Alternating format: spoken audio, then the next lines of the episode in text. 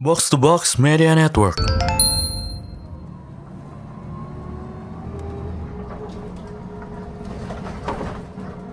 Mengarungi kokohnya gedung-gedung produktif. Melintasi gersangnya aspal di kota. Turunlah gadis separuh baya yang sebelumnya berdesak-desakan dengan kemiskinan. Kemacetan. Dan polusi di jalanan.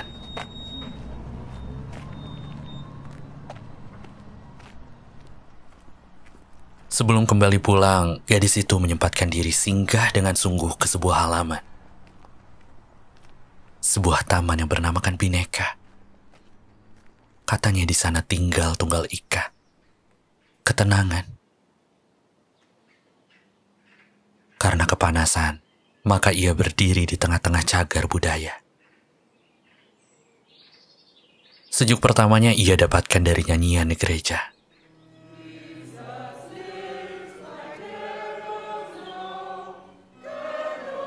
Seketika, seorang pastor menghampiri, lalu bertanya kepadanya, "Kenapa kamu mengenakan kain lebar di kepalamu?"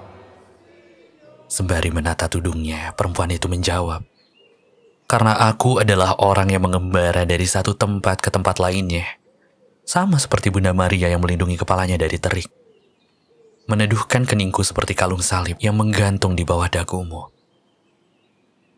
Bapak rohani itu pun pergi dengan tersenyum. Lalu sejak keduanya hadir dari bunyi lonceng di wihara.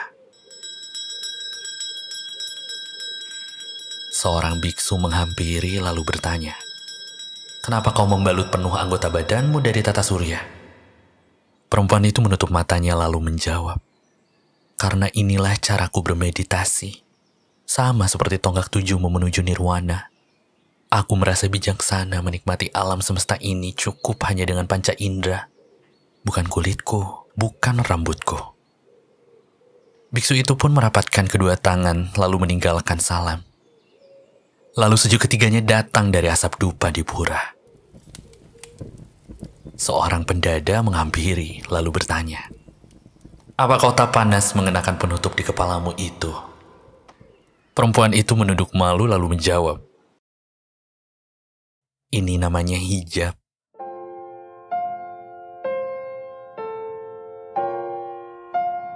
Perhiasan terbaikku hanyalah rasa malu.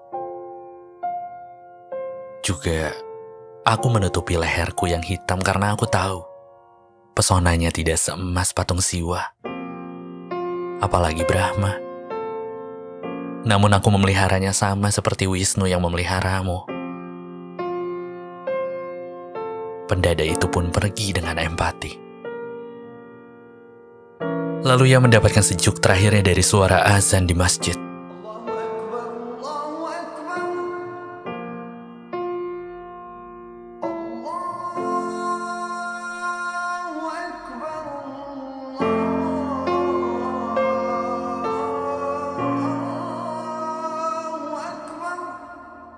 Dengan bersemayam diam, ya Tuhan, meski tak sekokoh iman Aisyah, meski tak setegar Maryam, meski tak selapang Khadijah, meski tak secantik Fatimah, meski dunia kerap memperlakukan tubuh dan busanaku sebagai mitos, meski stimologi visual melabeliku dengan pangkat alim namun tak alam, meski tidak mengacu pada peradaban yang semakin hari semakin kompleks, meski menjadi minoritas di antara mereka yang terbuka, teguhkan aku untuk terus hidup bersimulasi dalam toleransi.